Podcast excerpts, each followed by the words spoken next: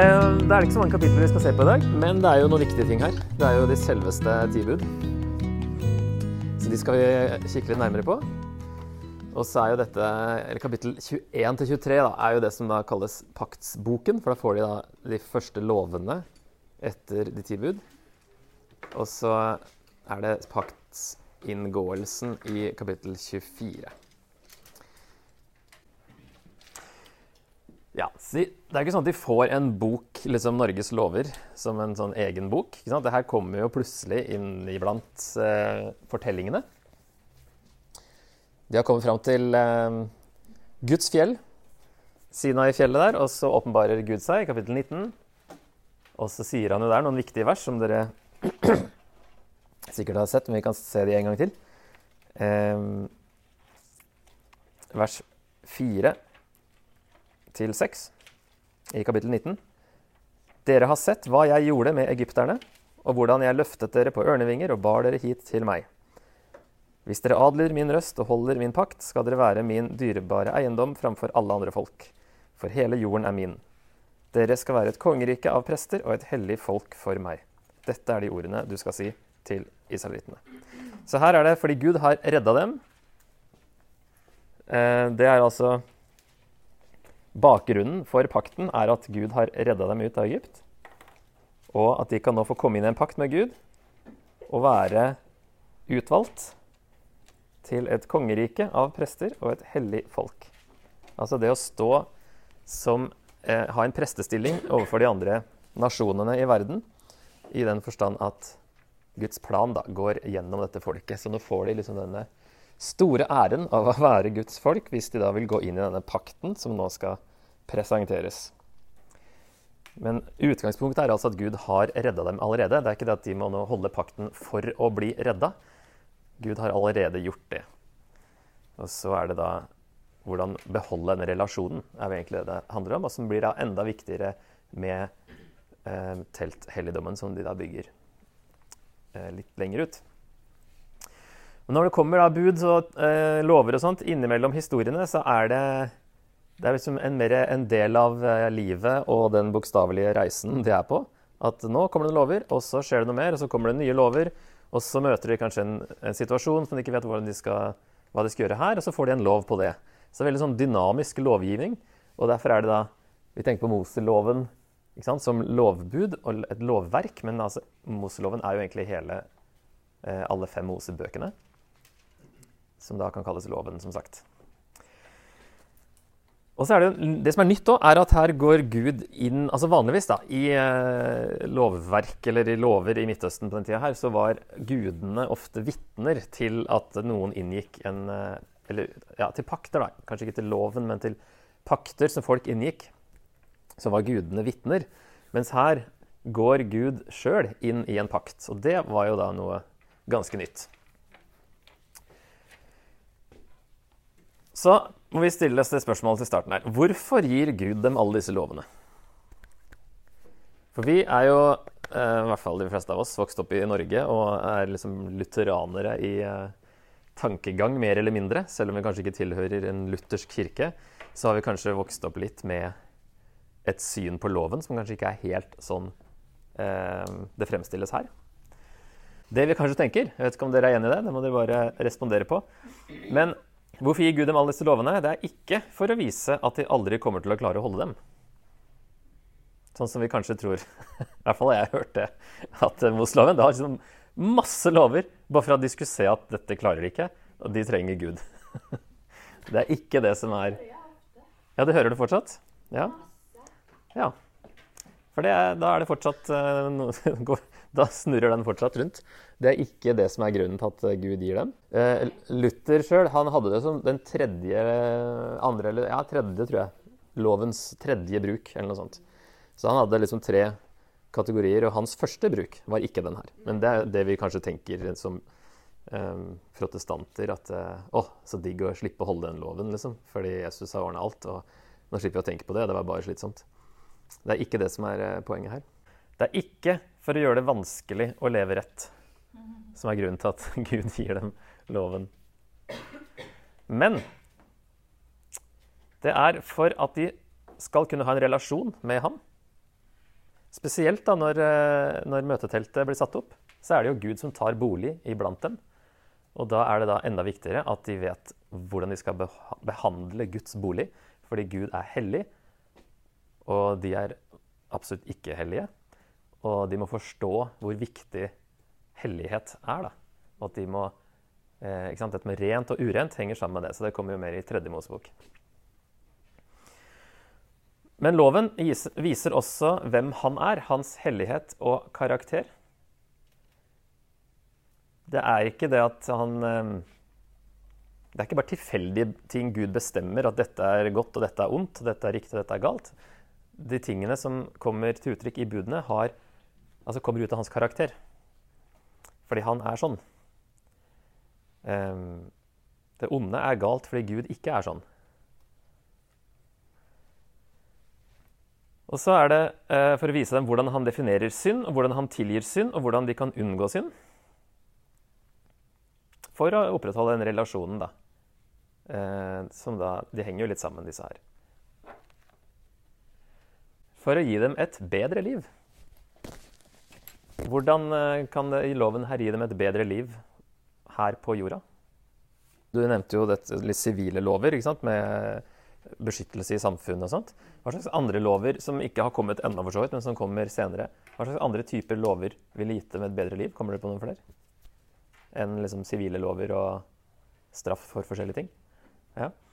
Renhetslover som ja. Nemlig. Hygienelovene som kommer, var utrolig langt fram, forut for sin tid. Vet dere når vi fant ut hva en bakterie var? Det var 1800-tallet fant man eh, sammenhengen mellom de legene som gikk fra likhuset til fødestua uten å vaske hendene, og de som vaska hendene. Så skjønte man plutselig Oi, det er en årsak til barnedødeligheten direkte fra lik. liksom, Mosloven sier 'ikke ta på døde lik'. Med rensing og renhet der. Det er, det her, altså Istedenfor at Gud forklarer hva en bakterie er for noe, så sier han bare 'vær hellig', og så gjør dette her, så går det bra. Eh, så han, det er eh, mye bedre liv på den måten. Og når da svartedauden kom, 1300-tallet, så eh, fikk jødene, i hvert fall noen steder, fikk jødene skylda.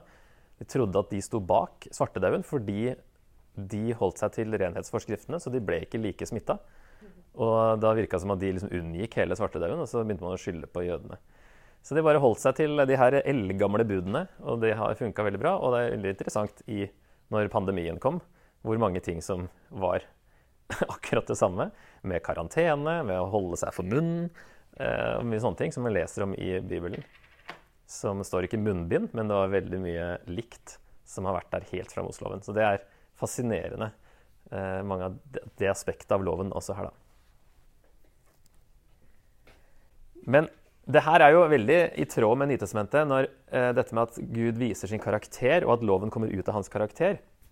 Når Jesus da eh, kommer, at Gud blir menneske i Jesus og viser oss hvem Gud er, viser oss Guds karakter, viser oss hvordan et eh, liv, et syndfritt liv skal leves. da. Um, så når Paulus det sier i Efeserne 5.1 at uh, ha Gud som forbilde, så er det egentlig akkurat samme som her. Og så sier han etterpå at uh, urenhet og hor og sånne ting sømmer seg ikke, sier han. Fordi det er ikke i tråd med Guds karakter. Så det er egentlig akkurat samme prinsippet. Og at um, um, kristen etikk, da, som ikke er det helt det samme som Moseloven, men det er veldig mye overførbart Men den kristne etikk kommer jo først og fremst fra inkarnasjonen, fra hvordan Jesus viser oss hvem Gud er. Så det henger sammen med det vi eh, tror på. Det er ikke så fjernt som vi kanskje skulle tro, da, det her med Moseloven.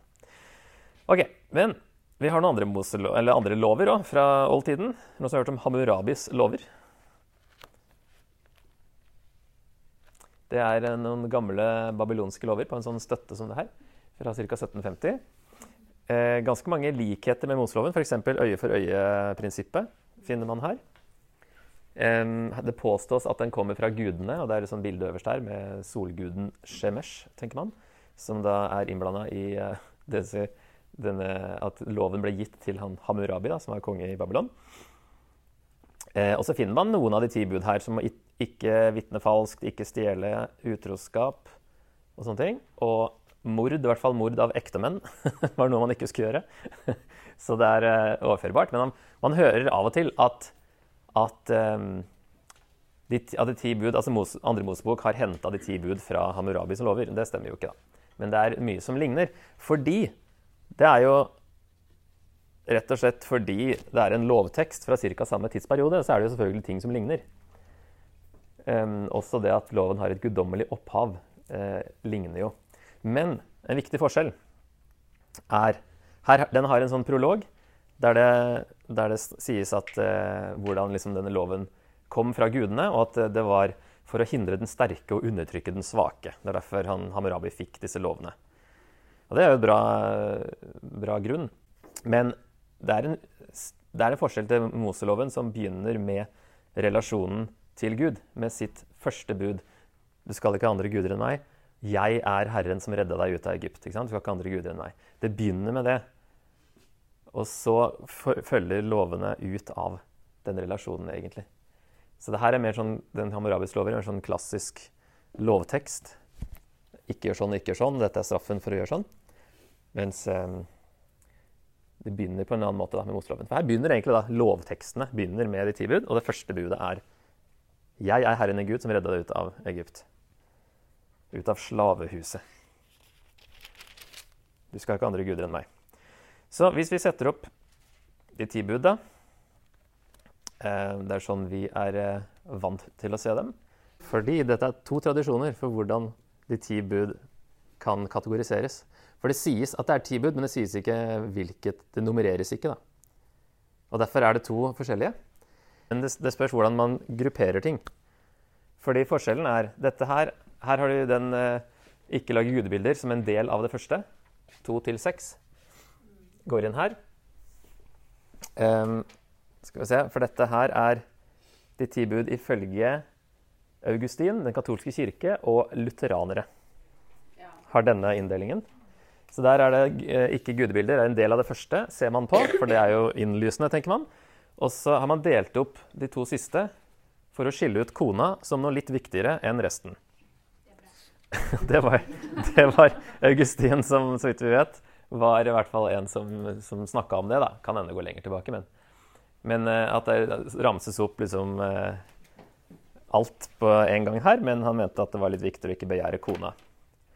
Så, men den andre versjonen er da ifølge flytter på litt sånn. Ifølge Filon, Josefus, gresk-ortodokse kirke, alle protestanter unntatt lutheranere, følger da eh, at det andre budet er du skal ikke lage deg gudebilder. Og det blir det siste budet du skal ikke begjære din nestes hus, uansett hva det er for noe. Og jeg syns kanskje den her er eh, litt mer logisk ut fra teksten, med, med disse 'du skal ikke'. Eh, fordi du skal ikke begjære din nestes hus. Og så kom, ramses det opp alt som huset består av. Så det er jo litt kunstig å skille ut eh, kona som noe eget, selv om vi er alle enige om at det er kanskje det viktigste. Men eh, at hun hørte til huset, da. Og så står det jo her eh, med innrykk også i teksten her at du skal ikke lage deg gudebilder. Så det ser ut som et nytt bud som kommer, da, men du skal ikke. Så jeg kommer til å holde meg til den utover nå, faktisk. Fornøyd med det? ja. Så, men det, du får jo det samme uh, ut av det uansett. Da, teksten er den samme, men, um, men vi kan gruppere det litt forskjellig. Um, så det at vi um, De ti bud Det starter med de ti bud, og forskjellen fra de ti bud til resten av uh, loven som kommer, er at Gud sjøl talte disse ordene direkte til folket, og senere så ble de skrevet med Guds finger på steintavlene. Resten av loven ble nedskrevet av Moses. Så det er noe, noe som holdes høyere, dette her. Eh, Gud sjøl skrev det, og han skrev det på stein. Det er skrevet i stein. Eh, og så er det jo også litt vanskelig å f.eks. Eh, håndheve da, det tiende budet. Du skal ikke begjære. Hvordan skal man sørge for at det ikke skjer? I, uh, hvis dette er liksom et, uh, en del av et lovverk. Det er jo ikke en ting som man kan uh, se og ta noen på nødvendigvis. Um, og så er det det at ingen straff nevnes for disse ti. Så da tenker eh, man at de her de ti bud fungerer trolig som overskrifter eller hovedparagrafer til loven, siden de ikke nevner straff. Og at det er vanskelig å, å håndheve, da, i hvert fall det tiende. Og så kommer det eksempler på disse. Mange av de i hvert fall kommer i de neste kapitlene i paktsboken. Men her har vi liksom overskriftene til Moseloven. De viktigste tingene, og det aller viktigste, er å ikke ha andre guder enn meg. Og så det, handler det først om Gud. I denne oppsettet her så blir det da de fire første. Og så eh, handler det om relasjoner Det er i hvert fall menneskelige relasjoner, da. I, fra fem og utover. Så eh, elske Gud og elske det neste er jo sånn Jesus oppsummerer det som. ikke sant? Fordi de første fire handler om å elske Gud, og de andre om å elske det neste.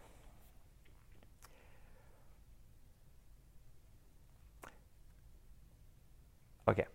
Skal vi se litt på de ti, sånn som de står her? Bare lite grann på, på hvert. Ja, vi skal snakke litt om de. Mm. Og så skal vi snakke om Gjelder de i dag? ok, Vi begynner med det første budet. da. Ingen andre guder. Det er jo egentlig bare vers 2 og 3. da. Jeg er Herren din Gud som førte deg ut av Egypt, ut av slavehuset. Du skal ikke ha andre guder enn meg. Så kan vi si, tolke det som da, at overgivelse til Gud som hadde reddet dem, er relasjonens hjerte og grunnlaget som alt annet hviler på. Det er det aller viktigste. Ikke begynne med avguder. Og det er det de gjør hele tida utover. Hele veien avguder. Så da er den relasjonen liksom brutt i seg sjøl.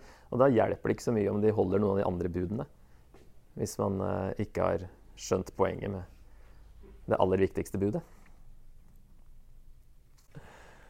Ok, det andre bud. Ingen gudbilder.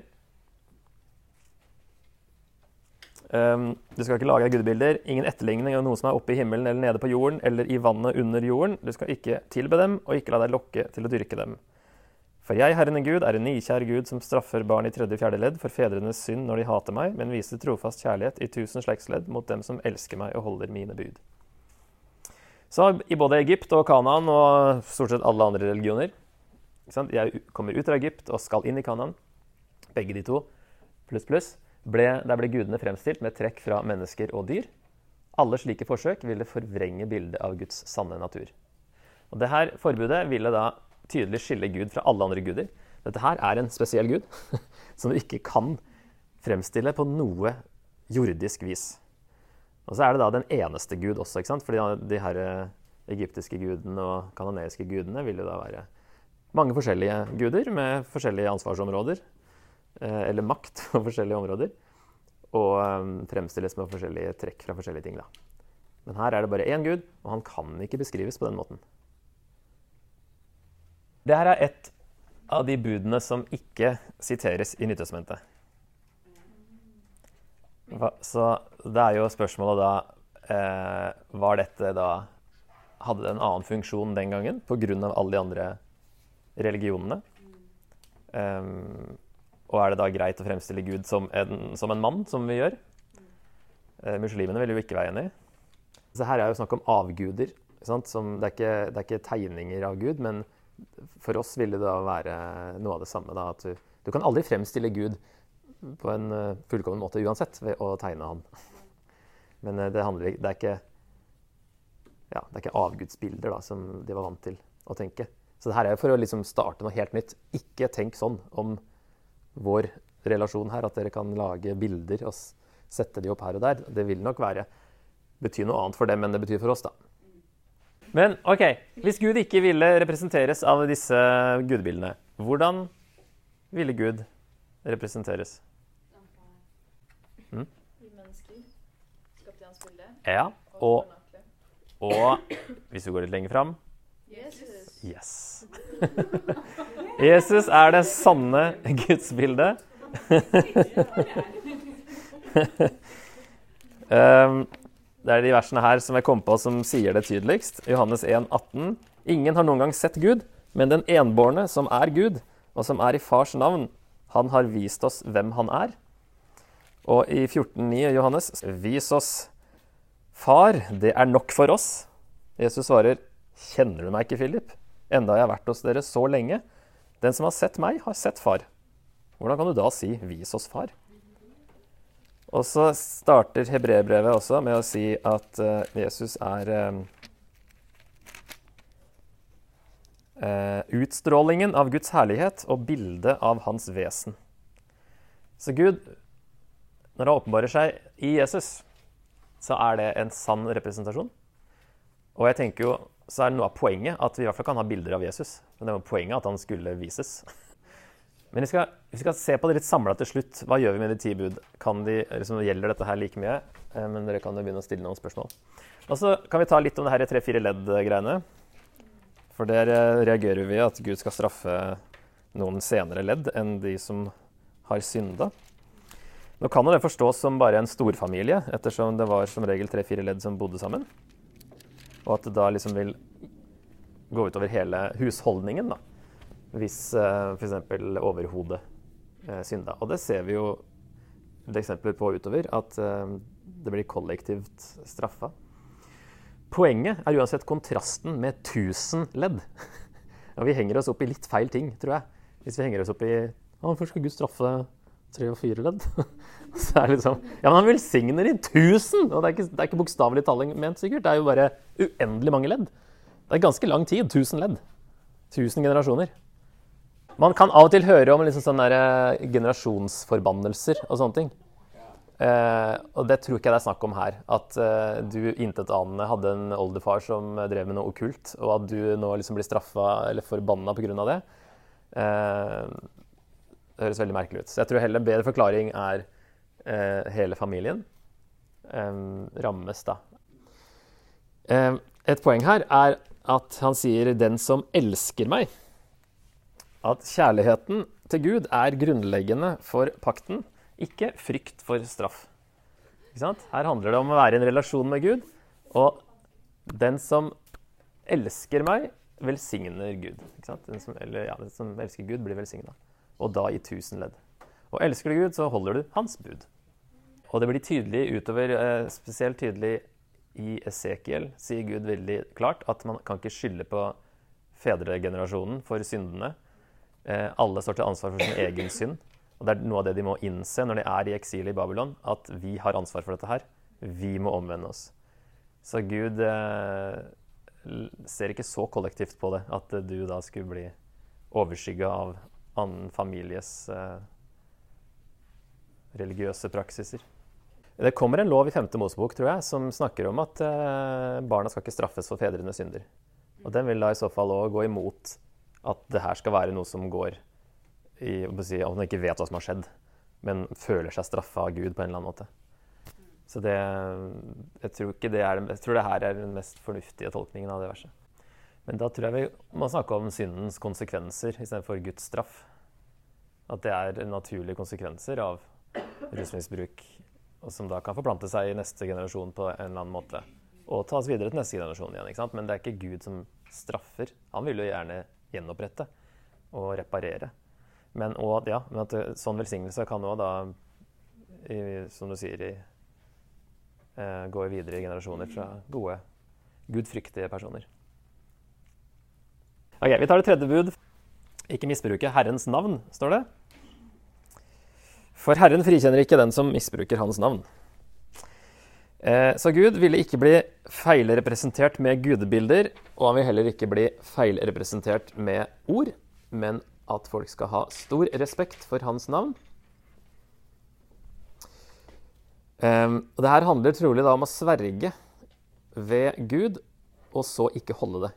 Da sa man ofte, som vi leser mange ganger i Bibelen, så sant Herren lever, så skal jeg gjøre dette, eller ikke gjøre dette. Eh, og så må Gud da av og til sverge ved seg sjøl, så han sier 'så sant jeg lever'. Fins ikke noen høyere å sverge ved, står det. Så da må jeg bare si det sånn. Men det er jo da, for Gud så vet vi at det er sant. Men når mennesker sier det, så kan det være at de ikke holder det de lover, og så har de da misbrukt Guds navn. Og litt mer bokstavelig oversatt så står det du skal ikke bære eller løfte opp Herren din Guds navn til tomhet. Eh, ta det altså in vain på engelsk. Til tomhet eller til ingenting. Um, sånn at det her handler nok ikke mest om å ikke si 'herregud', f.eks. Selv om vi heller ikke skal gjøre det. Men det er sånn vi har tenkt om det verset her, eller det budet her. Eh, hvis det handler om å sverge, hva sier Jesus om eh, sverging? Ja, skal ikke sverge det i det hele tatt, sier Jesus. Ikke ved liksom Guds trone eller eh, Guds by eller noen ting. La ditt ja være ja og nei være nei, så unngår du hele denne problematikken her. trenger ikke å Du skal være sannferdig uansett, så du trenger ikke å måtte liksom ty til å bruke Guds navn i, når du skal holde løfter. Det er på en måte en anvendelse for oss, kanskje, da, i lys av hva det egentlig betydde der, tenker jeg. At eh, eh, det er ikke naturlig å gå rundt og rope Jesus eller 'Oh my God' som et uttrykk som du ikke mener. Noe som vil være en, en anvendelse av det her, er jo å si 'så sier Herren', og så har han ikke sagt det. Eh, falske profetier. Eh, folk på scenen som sier at Gud har sagt dette her, og så er det kanskje bare deres egne tanker. Det vil være å misbruke Guds navn på en, eh, en måte som fortsatt gjelder, da. Husk sabbaten er det fjerde budet. Eh, hvorfor tror dere det står 'husk' plutselig? For de har allerede fått det påbudet. Ja, jeg tenker i hvert fall det er noe i det. Kapittel 16 snakker jo en del om sabbaten, at Gud har gitt dem sabbaten osv. Og, det spiller jo på de sju skapelsesdagene at Gud hvilte på den sjuende dagen. Så det er jo noe de har visst lenge. Sånn at Ja, for en tanke, da. Er det derfor det plutselig står 'husk'? Selv om de visste jo at de andre tingene var galt òg. Å slå i hjel og sånne ting som kommer. Så er det, husk å ikke slå i hjel. så er kanskje mer naturlig da, når det er snakk om en helligdag enn uh, andre ting. Sabbaten var også paktstegnet som viste at de var Guds folk. Å bryte sabbaten var å forakte pakten og relasjonen med Gud. Derfor tas det ganske alvorlig i kapittel 31 at det er dødsstraff, faktisk, for å bryte sabbaten. Fordi man da skal utstøtes av folket, står det. Fordi man da ved å gjøre det sier at 'jeg er ikke en del av dette folket'. Er det en tidløs sannhet?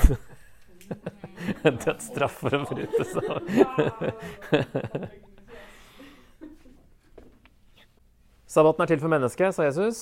Det er ikke et bud i den nye pakt, ifølge Paulus, Romerne 14, vers 5. Og i Hebreerne 4 så brukes det på Altså det peker fram på frelsen.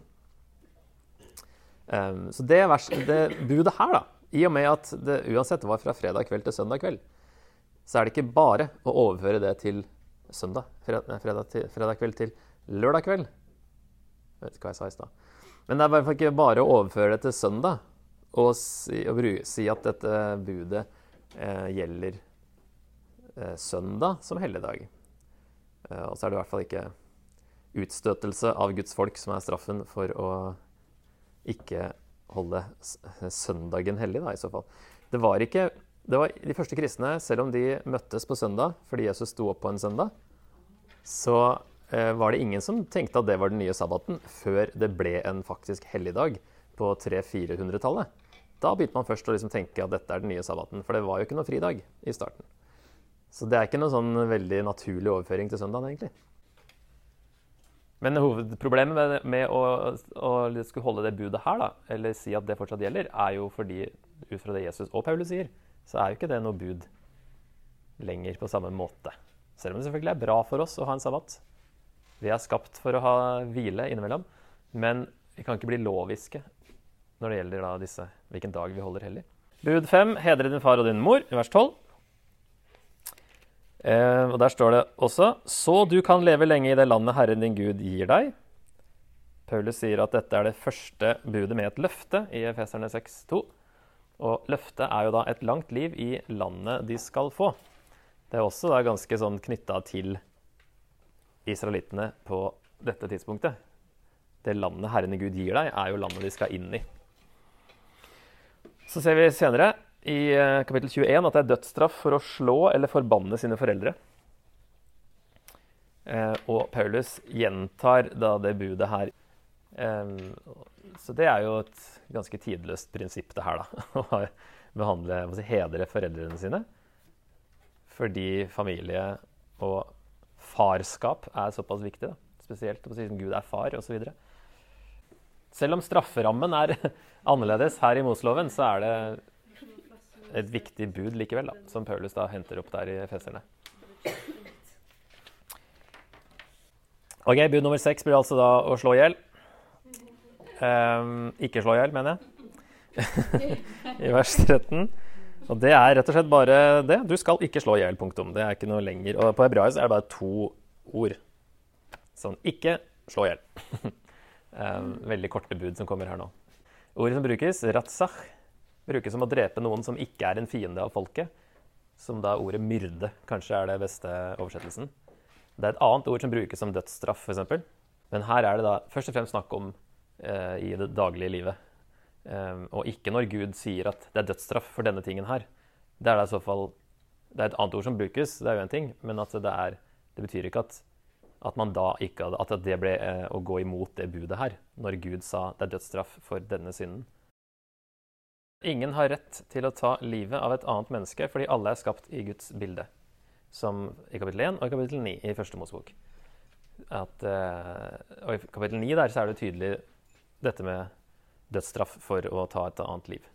Så det her er jo en altså Her vil jo de fleste være enig i uansett at dette er uh, et, et, godt bud.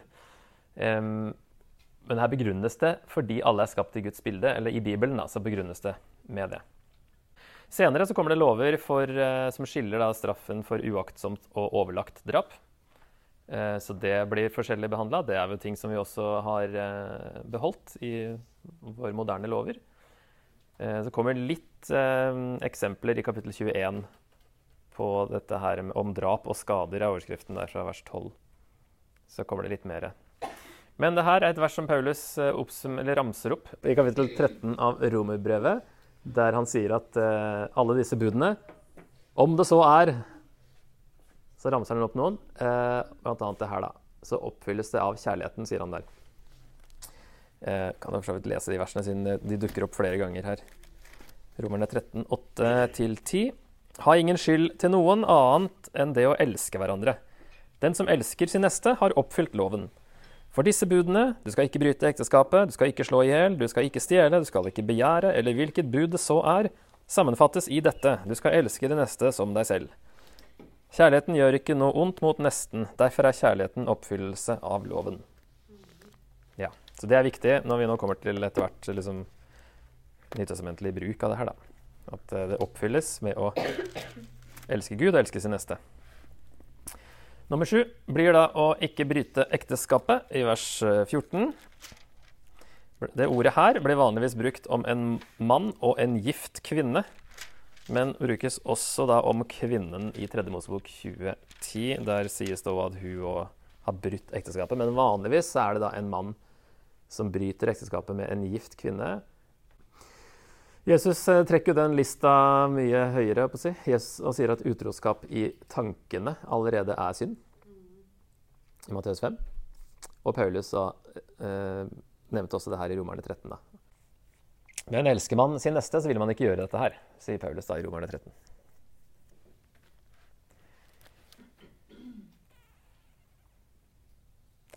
Så kommer bud nummer åtte om ikke å stjele. Det er også sånn et kort bud. Du skal ikke stjele.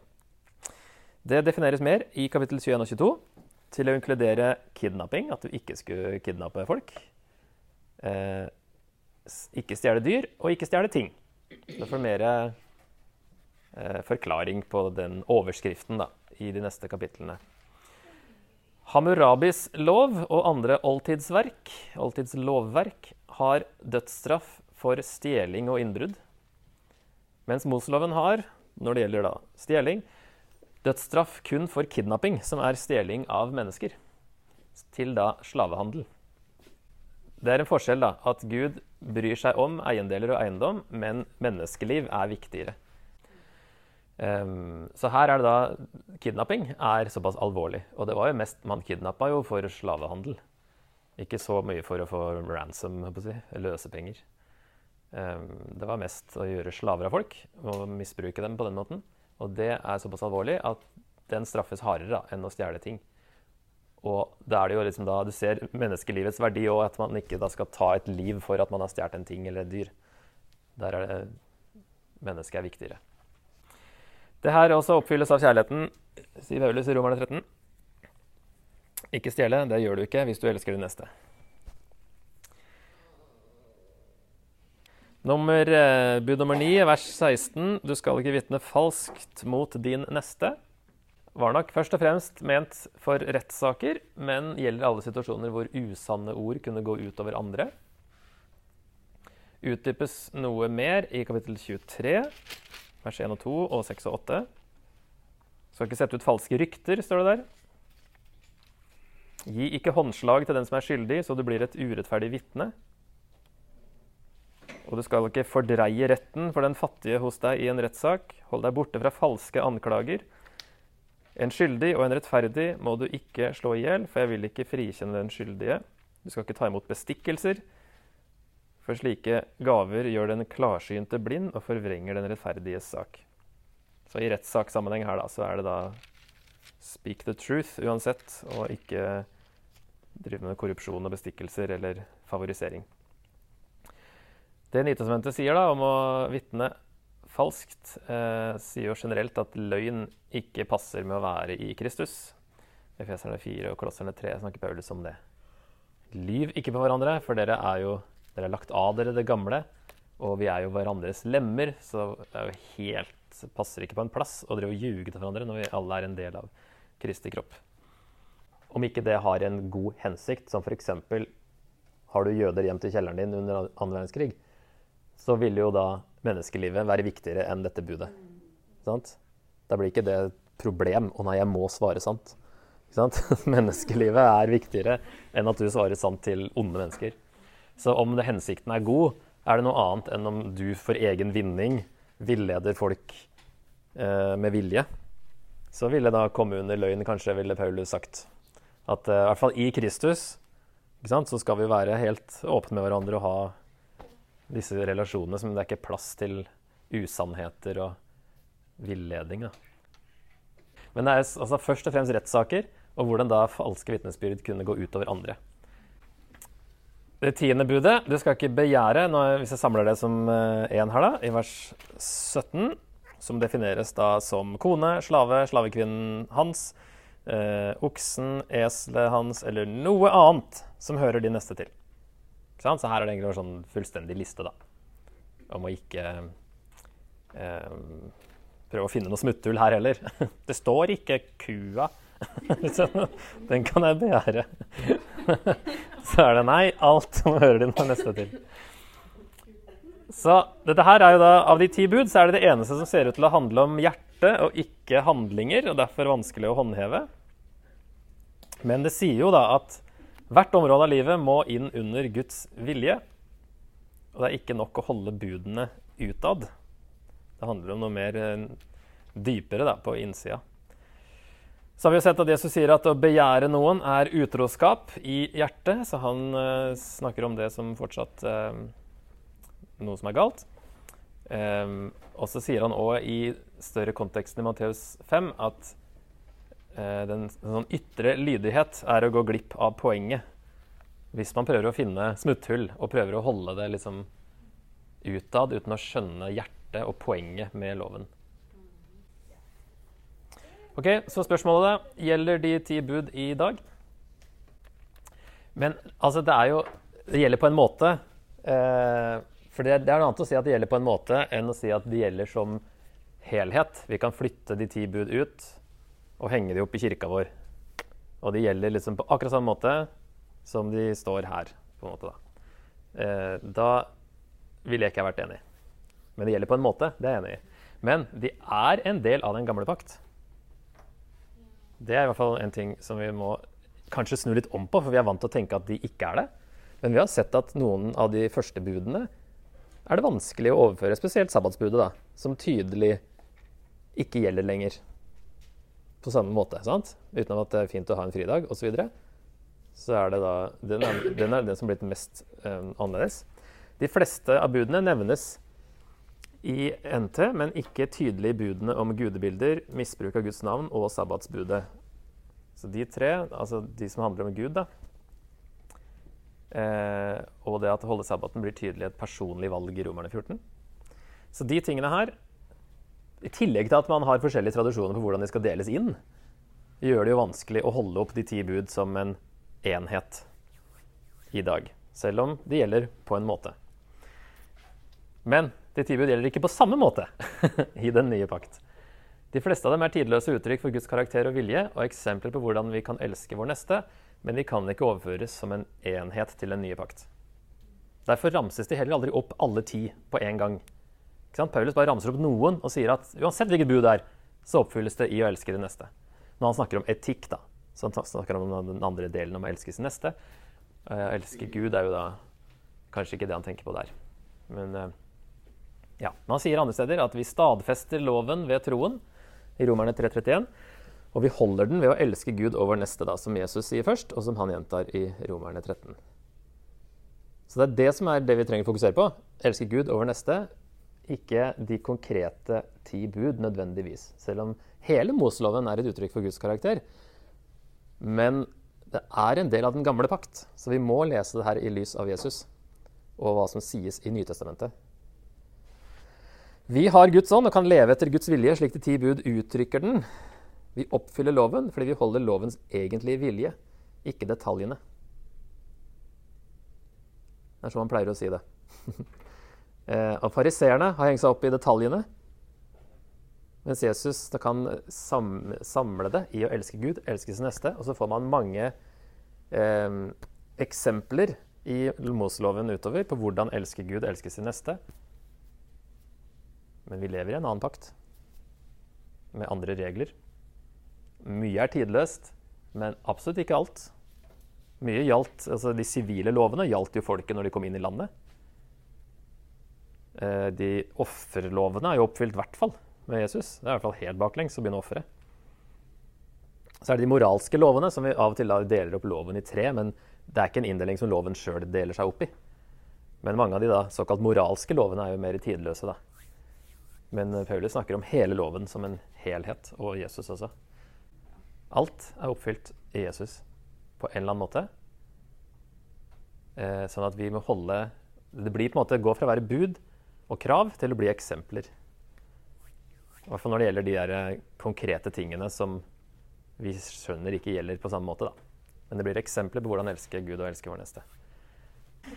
Vi følger ikke de ti bud, vi følger en høyere standard. I bergprekenen Matteus 5-7 introduserer Jesus det som man kan kalle evighetsetikken.